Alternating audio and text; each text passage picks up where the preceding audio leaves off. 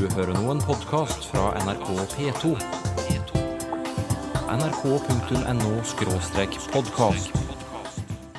blir kveld, og så blir det morgenkveld, og så blir det enda en gang kveld hvis ikke jeg blir stein.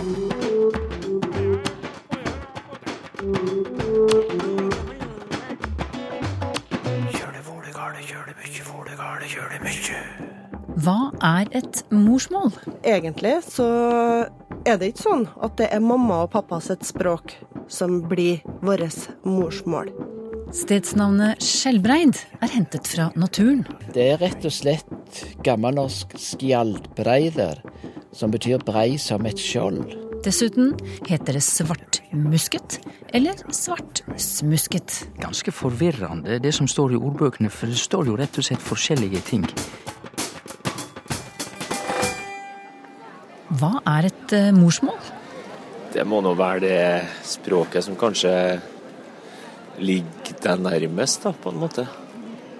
Men kanskje det første språket du brukte, eller lærte. Ja, et morsmål var språket vi er oppvokst med og lært av våre foreldre. Eh, Hvis du skulle forklare noen hva et morsmål er, hva vil du si da? Ja, det er jo det språket du er vokst opp med, da. Ja. Hva er et morsmål? Nei, det må være det som du har lært fra din mor fra du var født, da, kan du si.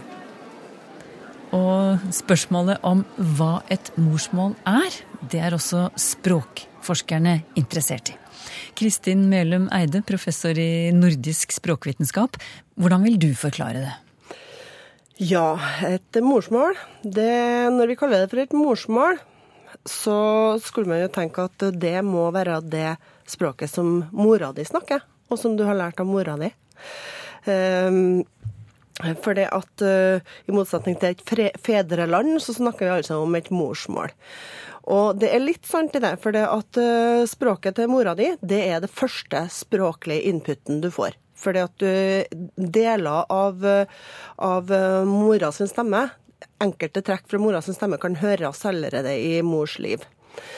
Men la oss si det at du er født i Korea og adoptert til Norge i sju måneders alder. Så er det fremdeles slik at uh, det mamma uh, språk var det første du hørte, men det er jo ikke det som blir morsmålet ditt.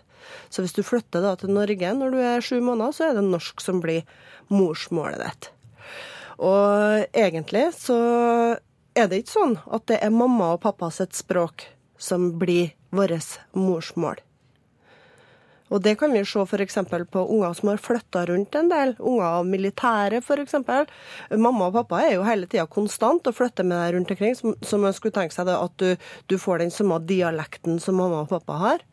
Men i virkeligheten så vil du lære Du, du vil ta opp dialekter til lekekameratene dine i en kritisk periode av livet ditt. Ja, Kritisk periode, hva mener du med det? Det? I språkvitenskapen så snakker vi veldig ofte om en kritisk periode for språkinnlæring.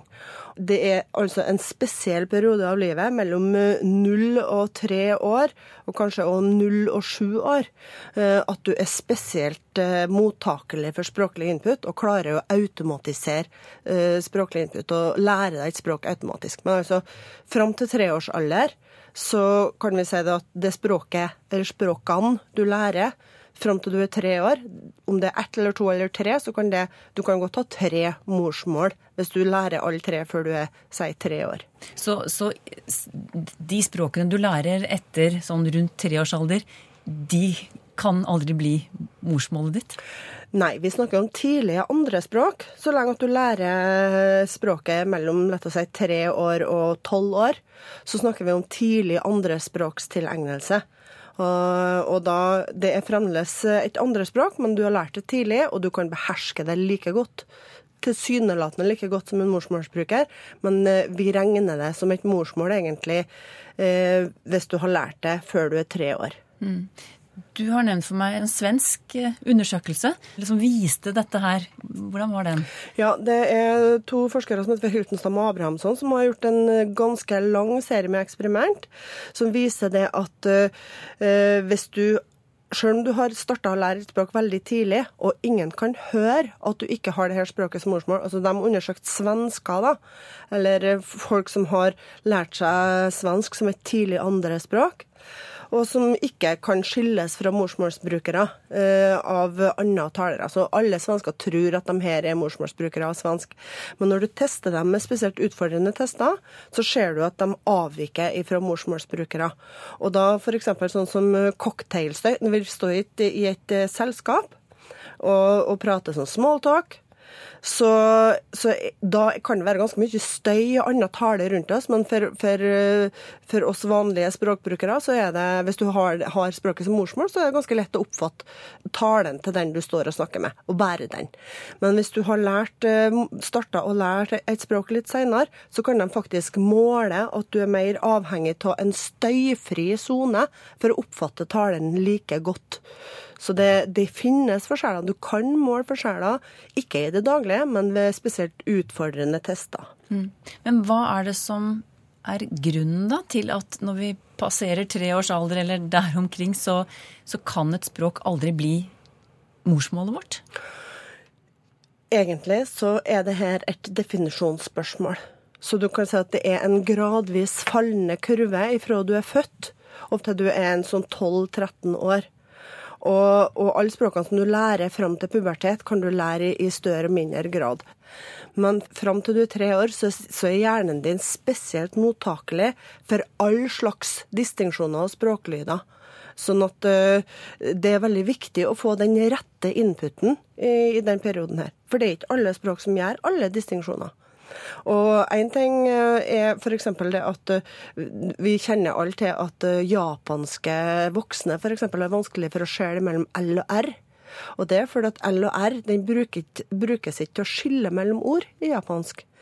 Men japanske babyer de klarer fint å skjele mellom L-lyden og R-lyden. Og, og, og denne sensitiviteten da, for språklyder den begynner å dale allerede når du er ni-ti måneder. sånn at da slutter hjernen din å bry seg om de lydene som ikke finnes i det språket som blir talt til vanlig rundt deg. Eh, på engelsk så kalles det for 'use it or lose it'. Hvis du ikke bruker denne distinksjonen, så kvitter vi oss med sensitiviteten for den lyden. Da bryr vi oss ikke om den. Du var i sted inne på at eh, et menneske kan ha flere morsmål. Hvordan kan det ha seg at, at jeg kan ha la oss si, tre morsmål? Da? Hvordan skulle det ha gått til? Det går veldig lett. Hvis at du er utsatt for tre språk en, i en sånn stor grad at du vil automatisere de her språkene. Så hvis at mamma snakker ett språk, og pappa snakker ett språk, og så snakker du et tredje språk på lekeplassen sammen med lekekameratene dine, så, så, kan du beherske de her tre språkene veldig godt allerede før du er tre-fire år. Og da kan du godt snakke om det at du har tre forskjellige morsmål, så at du har fått input på tre forskjellige språk. Mm. Men vil allikevel et av de språkene være et hovedmorsmål, eller, eller, vil, være, eller vil de være helt eh, likestilt? Det her er et forferdelig godt spørsmål. Og det er et spørsmål som vi er veldig nysgjerrig på å få et svar på. For det at morsmålet ditt Hvis du har tre lett å si, likeverdige morsmål, så er det sånn at det er egentlig det språket du mest identifiserer deg med, det som du føler gir deg din språklige identitet, som en del av din personlige identitet, det vil du typisk kalle morsmålet ditt. Men forskere er ikke veldig glad i å stole på sånne subjektive vurderinger. Sånn at når vi ønsker å finne ut hva er det som er hovedmorsmålet ditt, hva er det som er det dominante morsmålet ditt, så prøver vi å pønske ut lure måter å finne ut det her på. Og da er en sånn test, det er hva slags språk snakker de omkring deg når du drømmer? Hvis du klarer å svare på det, det er ikke alle som klarer å svare på det, men hvis du klarer å svare på det, så, så vil det kunne være et tegn. Og en annen måte å finne ut dette på, det er når du teller, regner stilt inni deg, Hvilket språk regner du på da? Og det er en annen eh, mulig test. Det vil da typisk være det dominante språket ditt, som du bruker til å telle stilt inni deg. Men egentlig så er det opp til deg sjøl hva du betrakter som ditt egentlige morsmål. For det at når du knytter identiteten din til det her språket, så kan du godt si at da er det her morsmålet ditt for deg.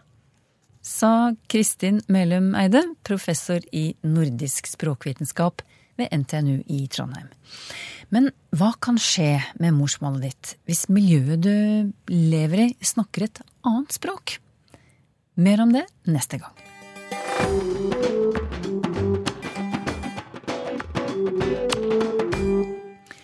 Har stedsnavn som skjellbredd noe med skjell å gjøre?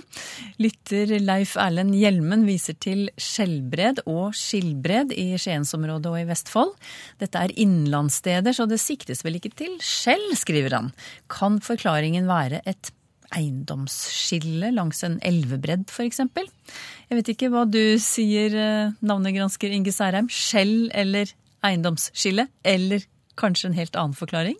Ja, det er nok en helt annen forklaring. Så dette navnet er brukt om mer enn 20 gårder i Norge. Og det er ellers brukt om noen innsjøer, Skjellbreia og Skjellbreien.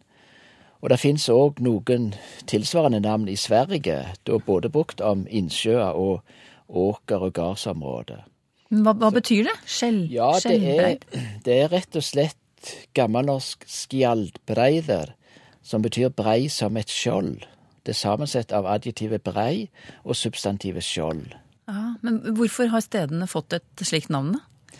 Ja, det ser ut til å være brukt om naturformasjoner som er breie og noe avrunda, og som kanskje ligner på liggende skjold. Altså en mindre høgde med, med, flade, med en flat rundaktig topp. Ja. Hvor i geografien finner vi helst slike formasjoner?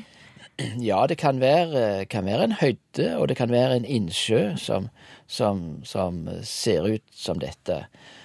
Og en fin, jeg har funnet det tre plasser i Vestfold, Skilbrei, og hele fem plasser i Telemark. Telemark og, og Rogaland ser ut til å ha flest navn av den typen der. Mm. Du, kan du skildre et slikt eh, sted for oss? Ja, det er en plass helt nærme der som jeg sjøl bor, og, og da er det en gard som ligger ved en, en slags rundaktig forhøyning, som, som ser ut akkurat som et liggende skjold. Litt flat og fint og jevnt avrunda. Så har jeg ellers sett eksempel vulkanen og fjellet Skjaldbreiður på Island, som har ei lignende form. Og en finner, finner navnet òg på Shetland og Orknøyene. Jeg har sett på Skelberry på Shetland. Det, det har lignende utforming der òg, som, som en høyde. Ja, og apropos det du nevner der med Shetland og Orknøyene. Du sier at dette navnet har blitt et modellnavn. Eh, hva ligger i det? Ja, da har jeg tenkt at, at samme navnet finnes flere plasser. Så det kan se ut som eh, de som flyttet ut og i vikingtida fra Norge, tok med seg navneinventar, eller måten å lage stadnavn på. Og så brukte de det på lokaliteter som i de områder der de slo seg ned, som ligna på plasser fra heim, heimstaden. Så en finner skjaldbreider flere plasser på Island, og på Shetland finner en Skelberry tre plasser, og på Orknøyene Skelbre tre plasser. Så, så det, det ser ut som selve navnet, lagingsmåten, er, er brukt på disse nye plassene òg. Men, men der òg ut ifra topografien, sånn som plassene ser ut. Mm. Du, Hvor utbredt var bruken av modellnavn på denne måten her? Ja, det er kanskje litt uh, uvisst å bruke eh, uttrykket modell, men for det er mange navn i disse områdene som er identiske med navn i Norge, eksempel Sandvik. Men da må en regne med at det er ei, ei vik med sand, så, så derfor har jeg nytta de, eh, de ordene der. Så det er ikke snakk om noe oppkalling av en plass i Norge. Men en finner eksempel navn som Leikvin og Leikvoll flere plasser i, i disse områdene. Og de svarer da til, til norske navn. Løken, Løke, som er leikvin, og Leikvoll. Eh, For eksempel på Orknøyen har du Leiking, som er leikvin. Og på Shetland Levenwick, som inneholder et leikvin. Og Lekveljens, som er leikvoll. Så det navnet som nok sikter til plasser der det har vært ja, samlingsplasser og tevlinger, konkurranser. Navnet ser ut til å være lagte på samme måten som, som tilsvarende navn i Norge. Inge Særheim er navnegransker ved Universitetet i Stavanger. Det blir kveld, og så blir det morgenkveld, og så blir det enda en kveld hvis ikke jeg blir klein. Flere lytterspørsmål Først et fra Knut Fogner, som forteller at for lenge siden lærte han av foreldrene sine, som var ganske trygge i språkspørsmål, sier han, at det het svartmusket. En betegnelse på personer med mørkt hår, mørk hud, kanskje mørkt skjegg. Men nå ser og hører han av og til ordet svart. Svartsmusket. Altså samme betydning, men det har kommet en S inn i midten der. Og det syns han er merkelig. Eh, men så har han eh, snakket med andre språkinteresserte, og han får voldsom støtte for formen svartmusket. Men bokmålsboka derimot skriver Svart smusket. Hva skal man tro, spør han. og og hva er opprinnelsen? Ja, Hva skal man tro, eh, Sylfes Lomme? Ja, jeg må jo sjøl bare si at uh, dette er ganske forvirrende, det som står i ordbøkene, for det står jo rett og slett forskjellige ting om dette ordet i nynorskordboka og i bokmålsordboka. Det er et faktum som hvem som helst kan sjå etter at slik er det. Eh, bokmålsordboka opererer bare med svartsmusket eller svarts, eh, svartsmuska, altså med S, medan nynorskordboka tidligere hadde bare med M, altså svartmusken, eller svartmuska, men der hadde de nå også ført inn svartsmuska. Så i alle fall, konklusjonen er at her står det ikke likt i bokmålsordboka og nynorskordboka, og personlig syns det jo at i dette ordet så er det liten grunn til å operere med ulik normering, altså rettskriving, i bokmål og nynorsk. Så hvis du enn, eller lytterne, spør meg hva jeg ville ha gått inn for som eh, rett norsk, så hadde jeg rett og slett ville ha hatt det samme både i bokmålsordboka og i nynorskordboka, og så hadde jeg gjort det valfritt med S før M, altså smusket, smuska, eller smusken, eller musken i begge språkformene våre. Fordi at det er jo helt tydelig at begge måtene både med og uten S, er i bruk. Ja, jeg kan jo skyte inn. Jeg sendte en e-post til Språkrådet og, og spurte om dette her, og de slår fast at svartmusket aldri har vært tillatt form i bokmål, altså når det gjelder rettskrivning. Aldri. Alltid med S. Men eh, så forteller de at hvis man f.eks. søker i tekster hos Nasjonalbiblioteket, så finner man former både med S og, og uten S. Eh, selv om de eh, uten S er litt Man får litt færre treff, da. Men som du sier, det, begge deler har jo vært i bruk, og er sikkert i bruk òg. Mm. Ja, og dette er jo virkelig en detalj. Virkelig en detalj i rettskrivinga. Og det er ingen grunn til å gjøre dette håpløst vanskelig med å operere med litt ulik normering i nynorsk og i bokmål. Mm. Men så vil jo mange spørre, disse to orda, altså musken og smusket, er det samme ord, og der tyder ordbøkene på at det ikke er det. Det ser ut som at uh, smusket er i slekt med et verb å smuske, som betyr kanskje å le i skjegget, medan musken, eller muskut, uh, som ofte er i bruk i nynorsk, det tyder mørk, urein hud, og musk kan jo òg være et ord for støv, eller altså noe ureint. Men det er ordforklaringene til disse to orda. Men som sagt, her syns jeg det burde være lik normering på bokmål og nynorsk. Og mens vi har diskutert S eller ikke S i svartsmusket, så har språkforsker Toril Oppsal fra Universitetet i Oslo installert seg i studio. Velkommen til deg. Takk skal du ha. Du kan få et lytterspørsmål med en gang, Toril. Det kommer fra Olav Torvund. Han skriver til oss om hvordan politi og media omtaler ulykker, særlig når det er ulykker med bil og fotgjenger, eller bil og syklister. Et eksempel fra Nettavisen. Eh, der var det trafikkuhell mellom en syklist og en bil. Og da sier han eh, Olav Torven det var åpenbart ett menneske involvert, syklisten, og ett objekt, bilen. Et eh, eksempel til, en twittermelding fra politiet. Der var det en skateboarder som ble påkjørt av en bil. En skateboarder ble påkjørt, men det var visst ingen som kjørte på ham, kommenterer Olav Torven. Han, han mener at når man beskriver slike hendelser på denne måten, så skyves bilisten i bakgrunnen som ikke handlende og ikke ansvarlig. Hva mener du om dette, Toril? Eh, fascinerende observasjon. Jeg har ikke tenkt veldig mye på dette. Men denne lytteren har helt rett. Eh, dette her handler nok på én måte om noe så prosaisk som plasshensyn. Eh, men kanskje vi også har å gjøre med tabu. Et behov for en forskjønnende omskrivning, rett og slett.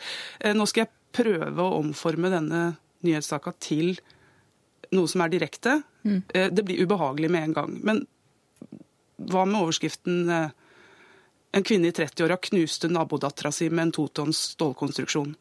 Den er, den, er, ganske guffen. eh, og, og, vi har verken ønske eller behov om å se dette bildet for oss.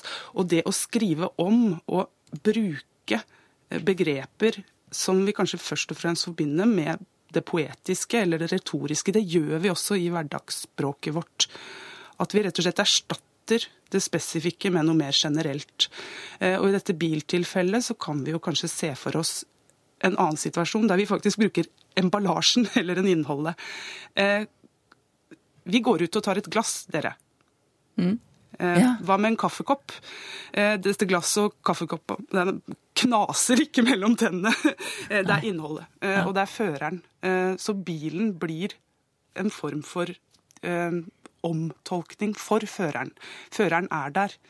Men er, men er, det eh, bevisst, er, det bevisst, dette at man snakker om syklisten, men om bilen? Jeg, jeg, jeg, er usikker på det, men jeg antar at det nok har noe med dette tabuet å gjøre. Og at vi også ser hva er det første vi ser for oss. Vi ser denne stålkonstruksjonen. Vi ser ikke mennesket. Mens den såkalte myke trafikanten her har form av et menneske.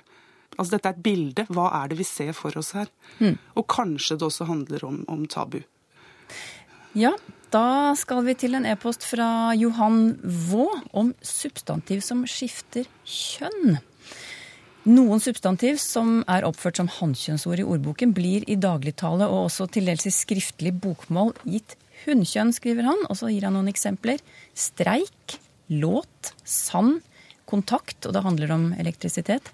Omgang. Eh, et eksempel fra en håndballkamp på fjernsynet, der kommentatoren eh, spør seg hva som vil skje i andre omganger.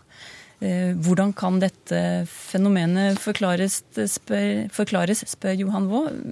Har du en forklaring, Sylfus Lomme? Nei, dette dømmet med omganger, det er jo vanlig talemål i, la oss si, på Sørlandet. Og det breier seg òg veldig mye østover. Dette at flere ord for hokjønnsomtale enn det det liksom er standard i skriftspråket. Så dette er egentlig ei sak som gjelder dialektbruk. I, på Sørlandet så sier de brusa og sanna. Ja, brusa? Det ja, brusa. Ja, og det er brusen. Og sanna. Og eh, nede i leira. Og det er altså i leiren. Ja. Hannkjønn. Så um, ja, det er rett og slett dialektutvikling, og den dialektutviklinga forteller oss i alle fall én ting.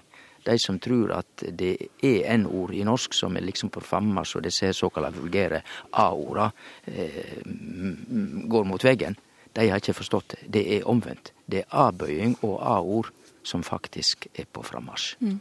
Altså låta, det, ja, det skrives jo stadig vekk ja, i, i ja, omtaler av ny musikk. Eh, ja. Samme sak. Mm. Mm. Har du noe å tilføye her, Toril? Eh, jeg ser jo at eh, det er ja, definitivt knytta til dialektvariasjon, dette her. Men at alle A-ord er på frammarsj, det tør jeg ikke å skrive under på. Dette her er uhyre interessant, og det er noe jeg vil finne mer ut om. Hva, hva er det som er interessant? Mm. Det jeg har sett på, det er hva som skjer med genus i urbane miljøer. Altså der kjønn? Bor, ja, kjønn. Der mm. hvor det bor folk med ulik språkbakgrunn. Og der er det den andre varianten som peker seg ut. Der er det disse hannkjønnsorda som griper om seg, eh, og også spiser seg inn på de en del ord som vi kanskje først og fremst vil forbinde med intetkjønn, faktisk. Eh, men definitivt så handler det også om dialektvariasjon. Selvsagt er det rett, det Toril sier. fordi eh, vi har ei rørsle fra hannkjønn over til hokjønn, altså fra EN til A. Og vi har også masse døme på ei anna rørsle, nemlig fra inkjekjønn til EN, altså hannkjønnsbøying. For hannkjønnsorda er jo de aller vanligste, altså Mm. trekke dem til seg, bøying. Ulf Nestvold har lagt merke til at mange ikke bare tror, men de tror kanskje. Han sier hvis du sier 'jeg tror det blir varmere i morgen', da har du signalisert at du ikke vet at det blir varmere, men du antar det. Kanskje vil være helt overflødig i en sånn eh, setning. Men uh, Toril, har du lagt merke til om, om dette tror kanskje er noe eh, mange bruker? Eh, Det å ta forbehold er i hvert fall noe som er utbredt. eh, Og det gjør vi eh, for å regulere relasjonen til den vi snakker med. Og, og reservere oss lite grann. Vi ønsker ikke å være kategoriske. Det som er litt fascinerende med 'jeg tror kanskje', eh, det er at min intuisjon Der veit jeg ikke om, eh, om Sylfest og jeg er helt enig, men, men der er min intuisjon at kanskje det tilfører noe litt annet enn bare tror. Sånn at disse to eh, setningene er ikke 100 like. Ja, hva er det kanskje tilfører, da? ja, Jeg tror det regner i morgen. Da gjør jeg uttrykk for noe jeg tror. Når jeg legger til kanskje, så henvender jeg meg i større grad til deg som hører på. Er du enig med meg? Eh, og så kan vi også legge til vel, jeg tror vel kanskje, eh, hvor vi igjen trekker inn vårt eget syn i en sterkere grad. Eh, vi kan eh, eh, ta enda større forbehold. Jeg tror vel kanskje på en måte. Eh, og her er spørsmålet om vi kanskje nå, hør forbeholdet, kanskje beveger oss så langt at det begynner å bli vanskelig. Men, men det, er et, det er et spill her eh, hvor det å ta forbehold ikke er ensbetydende med å være noe negativt og dårlig. Eh, Men, men når dette fortsetter til det nærmest absurde, så, så, så bør vi nok øve oss på å være tydeligere, klarere og mer rett på sak. Og om det regner, så får dere ta med paraply. Har du spørsmål til Språkteigen? Skriv til Teigen, krøllalfa nrk.no, eller til Språkteigen, NRK P2, 7005, Trondheim. Så finner du oss også på Twitter og på Facebook. Her i Norge har vi sluttet å si de til hverandre, men ikke alle er like uformelle som oss. Was wollen Sie? Wie kommen Sie hierher? Naja, wir haben heute Abend bei Ihnen angerufen, Sie haben sich nicht gemeldet. Da kam ich auf den Gedanken, dass Sie vielleicht hier sein können. Inspektør Stefan Derek holdt knallhardt på høflig tiltaleform. Men i Tyskland i dag er det noen som foretrekker å bruke do framfor zi. Det har også noe med trykket fra Skandinavia og England å gjøre. Språkteigen om én uke.